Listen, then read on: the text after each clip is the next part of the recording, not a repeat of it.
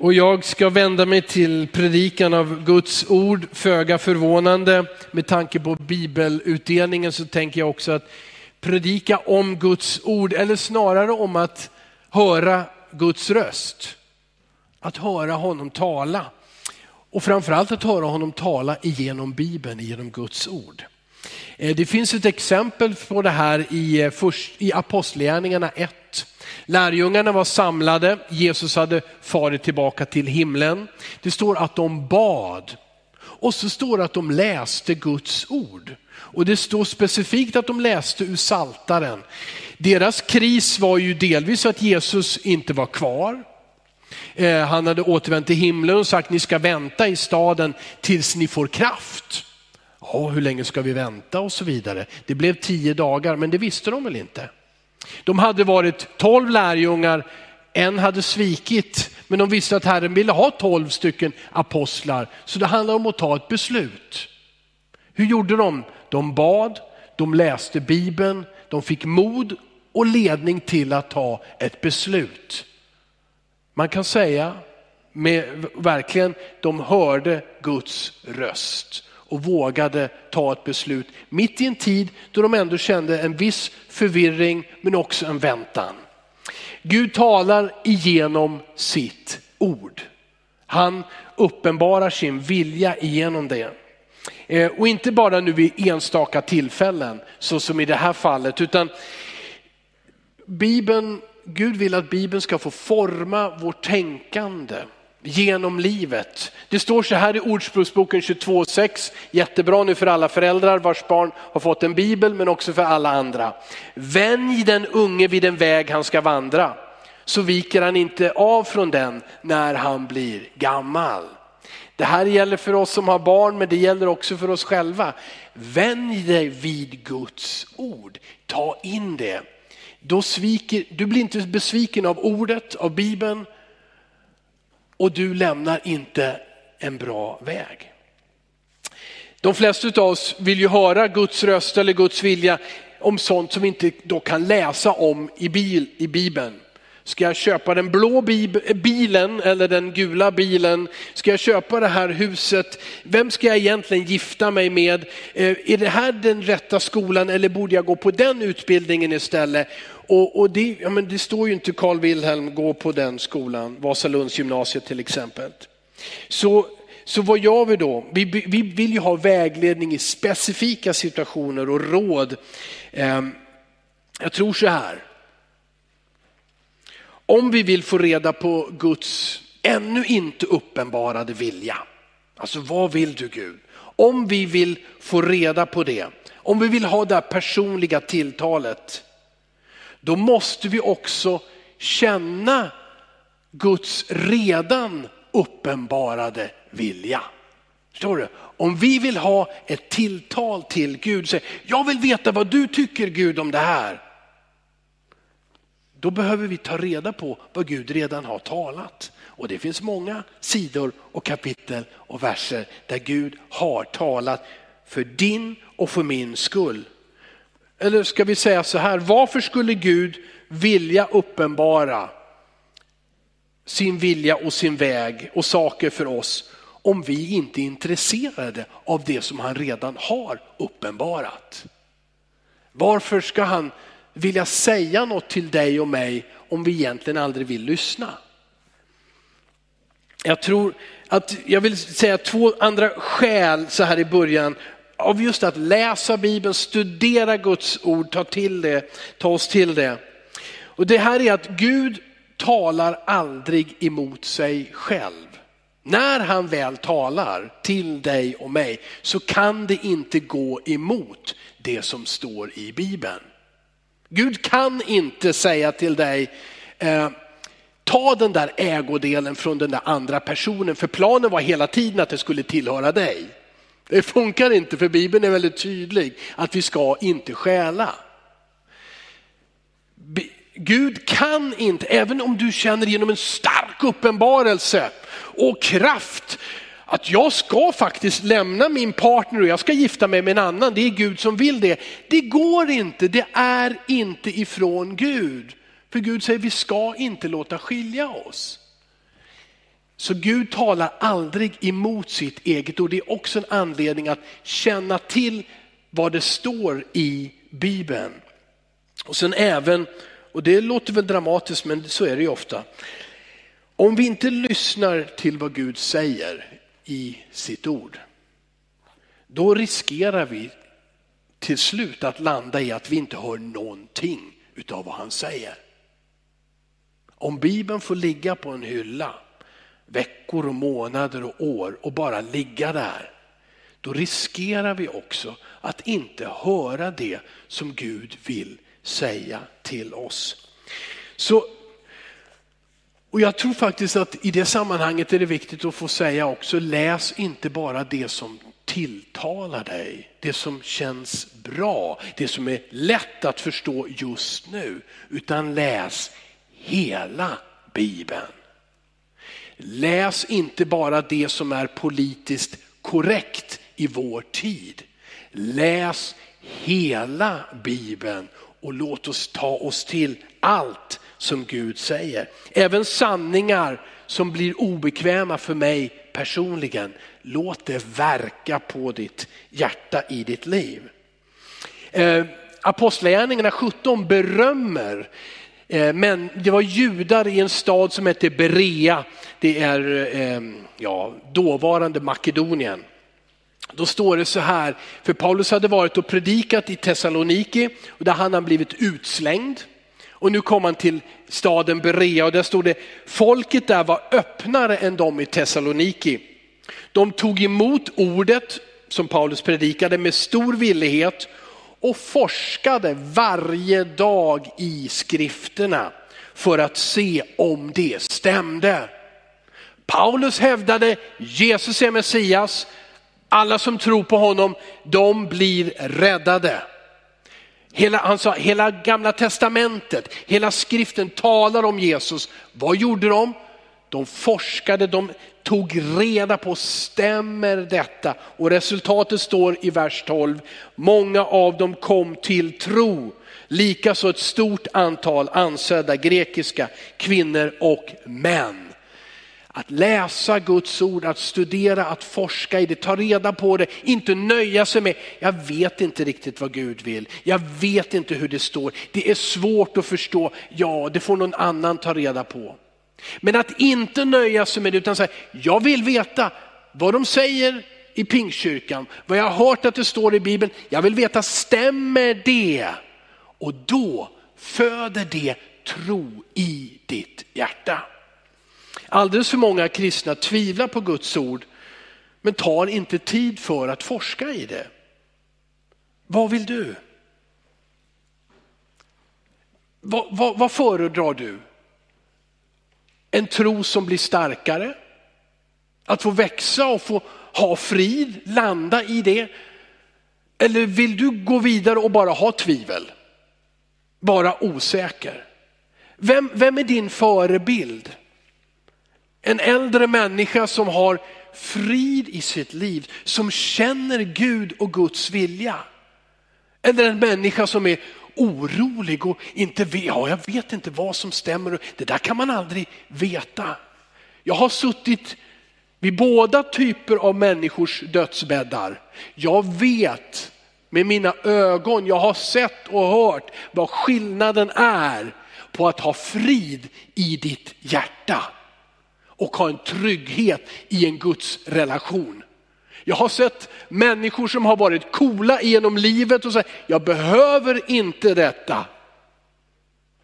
Men som in, inför döden så raseras så mycket av coolheten. Jag har också sett människor som inte var så coola genom livet. Men de valde att gå med Gud, att lära känna honom genom Bibeln, att göra hans vilja. Och som har gått in i den sista tiden i deras liv med den största frid och glädje. Vad vill du och jag? Vem är din och min förebild? Gud har uppenbarat sitt ord i Bibeln. Så läs och studera den. Vi ska gå till psalm 19. Och eh, det här, för alla er som var hemma i somras eller tittade online så hörde ni Annika predika om, från psalm 19, men det vill jag också göra idag. En underbar psalm som förklarar just att Guds uppenbarelse, där Gud talar till oss, kommer till oss människor på två sätt. Salmen 19, den första delen, verserna 1 6, talar om det som vi kallar för allmän uppenbarelse.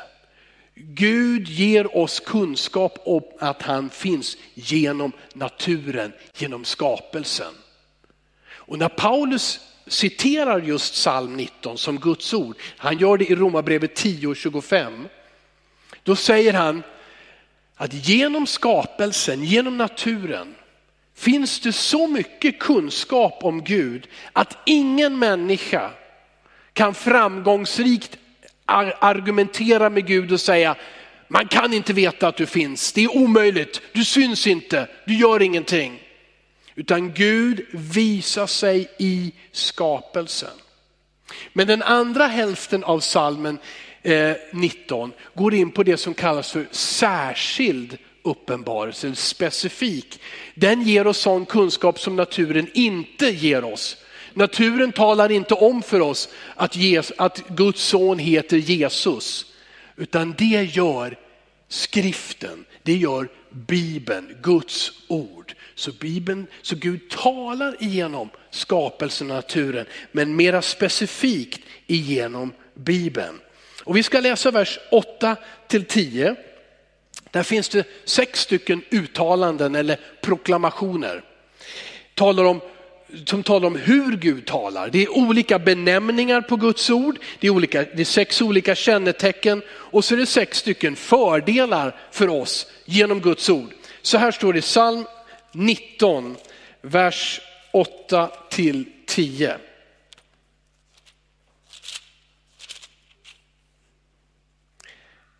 Herrens undervisning är fullkomlig. Den ger nytt liv åt själen. Herrens vittnesbörd är sant. Det är vishet åt enkla människor. Herrens befallningar är rätta. De ger glädje åt hjärtat. Herrens bud är klart. Det ger ljus åt ögonen. Herrens vördnad är ren. Den består för evigt. Herrens domar är sanna. De är alla rättfärdiga. Det här är stort. Det är Guds ord. Jag vill be en gång till. Fader i himlen, vi läser proklamationer och uttalanden som är väldigt tydliga och raka. Men jag ber Herre att vi ska kunna ta till oss i tro vad du vill säga oss. Jag ber Herre att du ska leda igenom den här predikan Herre, utläggningen av ditt ord. Jag ber att din ande ska göra det praktiskt tillämpbart i vart och ens eget liv, Herre. Tack för att du ser oss i de olika faser i livet som vi befinner oss i. Men när jag läser detta så tror jag att jag får säga att du har svar för var och en. Du har vägledning, du har kraft för var och en genom ditt ord. Jag ber Herre att du ska göra detta idag. Och jag ber att du ska lägga i oss en längtan, en passion efter att få lära känna dig genom ditt ord. I Jesu namn. Amen.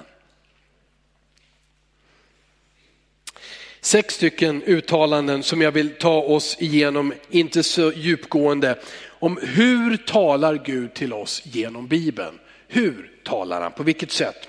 Då stod det först, Herrens undervisning är fullkomlig. Undervisning är ordet Torah eller lagen som vi känner och den är fullkomlig. Det betyder när, när författaren skriver det så säger han det här är sant och det här har auktoritet. Det här har helt enkelt kraft. Det här är, det är inte vilken undervisning som helst utan det är Herrens. Och det är ju det här Bibeln hävdar om sig själv gång efter annan. Det här är mer än andra böcker. Detta är Guds ord. Herrens undervisning är fullkomlig, sann och har auktoritet. Om den har auktoritet, Då, då, då betyder det att oavsett vad vi upplever så finns det en konflikt mellan min vilja och det jag läser i Bibeln. Vad har bestämmande rätt? Bibeln. Skriften, Bibeln är Guds undervisning till människor och vi kan inte välja bort den. Den beskriver så här är Guds rike. Varje rike, varje land har lagar. Visst kan vi säga att det är frivilligt att följa lagen eller inte. Men hur mycket vi än pushar detta frivilliga, jag gör vad jag vill, så innebär det att lagen sätter, att det har konsekvenser. Och Bibeln talar om hur det är att leva i Guds rike med Gud. Gud tvingar inte på oss någonting, men det är som gravitationskraften. Om jag tar ett steg rakt fram nu så faller jag ner där. Det, det, spelar ingen roll om, om jag tycker att det är frivilligt eller inte. Det enda frivilliga är om jag tar det här steget eller inte. Men gör jag det så faller jag ner. Guds ord ger oss principer, undervisning. Så här är livet i Guds rike. Följ det så faller du inte och slår dig. Eller om du faller och slår dig så visar Guds ord också hur du kan ställa dig upp igen genom nåd och förlåtelse. Guds ord är fullkomligt, visar oss så borde det vara. Och då står det så här, den Guds undervisning ger nytt liv åt själen. Det här är den första utav sex fördelar eller sex stycken resultat som Guds ord ger i våra liv. Den ger nytt liv åt själen. Halleluja! Fy vad trist att ha det torrt och gammalt där inne. I mina tankegångar, i mitt liv. Fy vad trist när det är dött där inne. Men att få ha ett ständigt nytt liv eh, en fräschhet i vårt inre. Det är vad Bibeln utlovar om sig själv. Den förnyar livet inom oss, den fräschar upp oss, våra tankar och vårt sinne. Det är som att, eh, jag vet inte om ni har gamla radioapparat, jag har fortfarande en radioapparat som jag ställer in frekvensen på, så blir den dålig så måste jag dit igen. Det här är, Guds ord hjälper dig och mig att ställa in frekvensen så att vi hör Guds röst. Sen står det då att Guds, Herrens vittnesbörd är sant. Det här är nummer två. Herrens vittnesbörd är sant och det ger vishet åt enkla människor. Att det är sant betyder helt enkelt det är pålitligt. Guds ord är pålitligt. Vad är fördelen? Den ger vishet åt enkla människor. Vem är en enkel människa? Vad är en enkel människa? Ja, alltså utifrån det hebreiska ordets betydelse så är det den som är omogen, den som är okunnig, ignorant. Jag brukar inte ta, försöka inte ta ordet i min mun så mycket, men det är egentligen dum. Okej, okay. så alltså betyder det att det här är ett ord, Guds ord är bra för mig. Det ger vishet till mig och till dig som känner att du behöver det. Det här ordet, hebreiska ord, det beskriver en människa som inte beskyddar sitt hjärta. Den enkla människan beskyddar inte det som kommer in i hjärtat. Vem lärde sig i söndagsskolan Ordspråksboken 4 och 23? Det borde vara några stycken. Framför allt, men nu, så, nu för tiden så står det, mer än allt som ska bevaras, bevara ditt hjärta, ty därifrån utgår livet. Det handlar om att beskydda, att vara enkel däremot. Det handlar om, man läser och lyssnar och tittar på vad som helst utan urskiljning och tar in vad som helst. Man kanske kallar sig själv för, jag är öppen för allting. Men vill vi lära oss att höra Guds röst, då behöver vi också stänga av olika kanaler. Då behöver vi välja. För bruset av ljud och intryck och information är massiv. Och om du tror att om jag bara vet allt och hör vad alla tycker och tänker och då ska jag hitta vad jag ska välja. Tror du att det är sant? Tror du automatiskt att ordet valfrihet som är ett sånt älsklingsord idag leder till att alla unga människor vet precis, ja jag vet precis vad jag vill göra. Det är klart som korvspad sa vi förr. Alltså, men det är inte så. Du behöver också välja, vad lyssnar du på? Vad läser du? Vad tar du in i ditt liv? När är det dags att stänga av någonting för att inte missa det som är viktigast? Att din skapare som älskar dig, vars son har gett sitt liv på ett kors för dig, faktiskt vill tala till dig. Och han vill göra det var dag. Det handlar inte om en engångsuppenbarelse som ska förändra allt i ditt liv och nu ska det bli lätt att bli kristen för Gud har skrivit på väggen precis vad jag ska göra och tycka och tänka. Nej, men att var dag i de olika besluten, i de olika utmaningarna så vill han tala. Och därför så, så säger Bibeln om sig själv, Guds ord är sant och det ger vishet åt enkla människor. Till och med till Kalle från Sumpan. Tänk. Det finns mycket om vishet i Bibeln, men vi går vidare till den tredje saken som psalm 19 säger. Herrens befallningar är rätta. Då handlar det inte om rätt och fel och det här, det här är rätt, utan det handlar om att Herrens befallningar leder oss på en rätt väg. Vägen som för framåt, vägen som för till målet. Om jag vill fatta ett beslut för relationen, för äktenskapet, för barnen, för ett affärsbeslut, då vill Herren tala. Det står, översättningen här på svenska är befallningar, men ett alternativ är principer. Herrens principer är rätta. Tillbaka till gravitationsprincipen. Det är rätt att följa den, att beakta den, vara medveten om den. Det är rätt att följa Herrens principer. Det är så livet och det andliga livet och det eviga livet funkar. Guds ord försätter mig, eller sätter mig i en position där jag kan ta bra beslut. När jag tar till mig Guds ord, försöker göra det dag för dag, läsa, fundera, be, så formar det mig och sätter mig i en position där jag kan ta bra livsbeslut. Vi lever inte i en dimma. Du lever inte i en dimma om du har Guds ord. Utan det lyser upp din väg. Och då står det så här, vad är fördelen här eller resultatet? Herrens befallningar är rätta, de ger glädje åt hjärtat. Det här är vad du sår.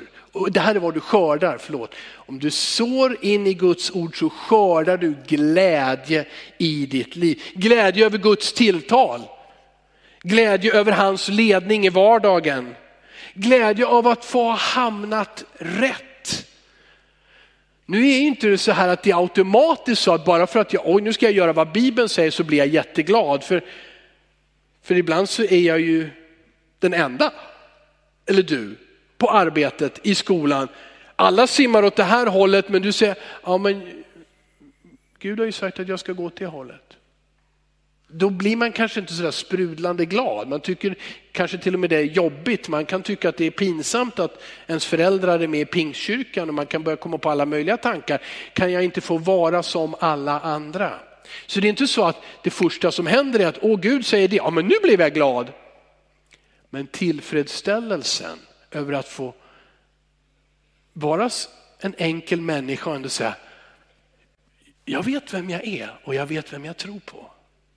Det här är den vägen som jag ska gå. Även om vinden blåser åt andra hållet. Det ger en glädje, eller hur? Och sen att få nå målet. Att få landa i olika mål som man hade i livet.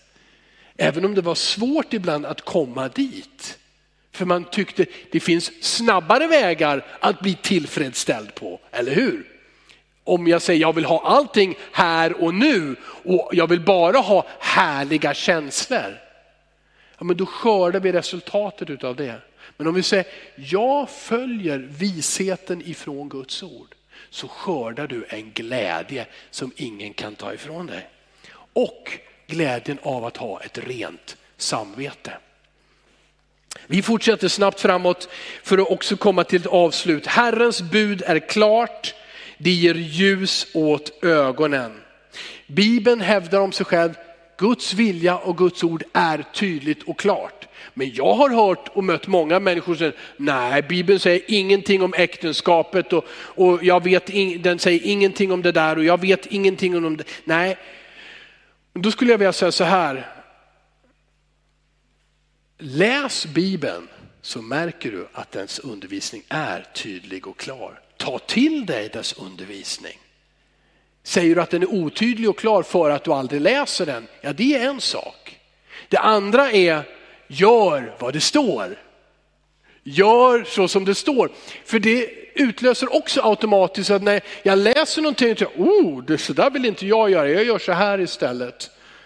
Då utlöser det ofta att jag tänker, ja men det är, så, det är lite otydligt och klart det där vad Bibeln säger. Men Guds vilja är klar. Han har en väg för dig och mig. Gud har inte tänkt att du och jag ska leva i en dimma. Att vi inte ska veta vart vi är på väg. Han har en väg för dig, en bra väg. Och han talar till oss genom Bibeln. Det står så här, det ger ljus åt ögonen. Herrens bud är klart och ger ljus åt ögonen. Han leder våra ögon tror jag. Att upptäcka, han liksom, när vi läser Bibeln, det är som han vrider på vårt huvud och säger, det är det där jag vill att du ska upptäcka. Det är det där arbetet, det är den där vägen. Det är den där, den där människan, de där människorna.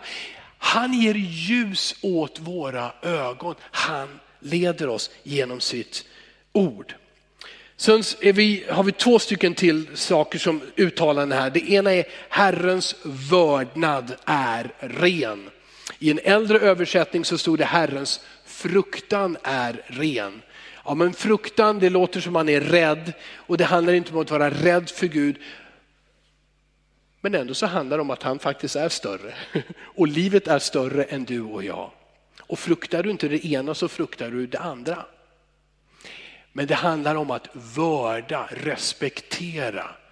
Och då står det att det är rent. Vad betyder det? Jo, jag tror att det är så här. Guds ord renar våra motiv. Det här, det här är en utmaning som träffar varenda en utav oss. Varför gör jag vad jag gör? Varför säger jag vad jag säger? Vad är verkligen mina motiv?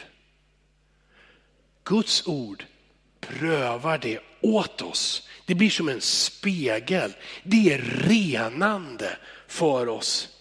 Och det finns en bön i Saltaren 139, vers 23 som lyder så här. Ransaka mig Gud och känn mitt hjärta. Pröva mig och känn mina tankar. Se om jag är på en olycksväg och led mig på den eviga vägen. Vet du att Paulus sa så här, skrev så här, mitt samvete är rent, men det betyder inte att det jag gör är rätt. Därför Låt oss be för Guds ande känner våra hjärtan djupare än vi själva gör. Jag tycker att ja, det, det här är bra, det här är bra för mig. Det är bra för mig. Vad är mitt motiv i olika saker och ting? Det här handlar om en ödmjukhet inför Gud, inför Guds ord och Guds ande vill hjälpa oss att också upptäcka, här Carl Wilhelm är det för mycket själviskhet. Här handlar det igen för mycket om dig, vad du kände och tyckte var bäst för dig. Och så får Herren i bönen, i samtalet, genom Guds ord rätta till det där. Och det kan jag lova och det vet du också. Det är så mycket skönare när Guds ord rättar till mina motiv än när andra människor eller livshändelser gör det. det brukar vara betydligt brutalare än när Guds ord gör det. Herrens domar är sanna, de är alla rättfärdiga. Alltså, Bibeln säger om sig själv, det här är inte halva sanningen, det här är inte fake news, det här är sanningen. Herrens domar är sanna. Lyssna på den här domen eller på det här domslutet. Du är förlåten. Det är en Guds domslut och det är sant. Men du känner, nej jag vet inte om jag är förlåten. Jag vet inte, kan det vara så enkelt? Jag har ändå gjort samma fel så många gånger. Men Bibeln säger om sig själv att dess domslut är sanna. Du är förlåten som tror på Jesus Kristus. Det står också i Bibeln och Paulus skriver, du är en ny skapelse. Och nej, nej jag, jag är samma gamla typ som jag alltid var. Jag är definierad av mina misslyckanden, jag är definierad av min familj, av min bakgrund. Det är det som, nej säger Guds domslutord, du är en ny skapelse.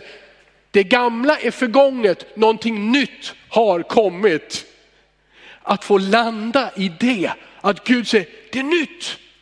Glöm det som har varit bakom, för Gud har glömt det, han har förlåtit det. Han vill gå vidare med dig, han har utvalt dig. Du är en ny skapelse, det är fräscht i ditt inre. Gud älskar dig, let's go. Det här är Guds domslut.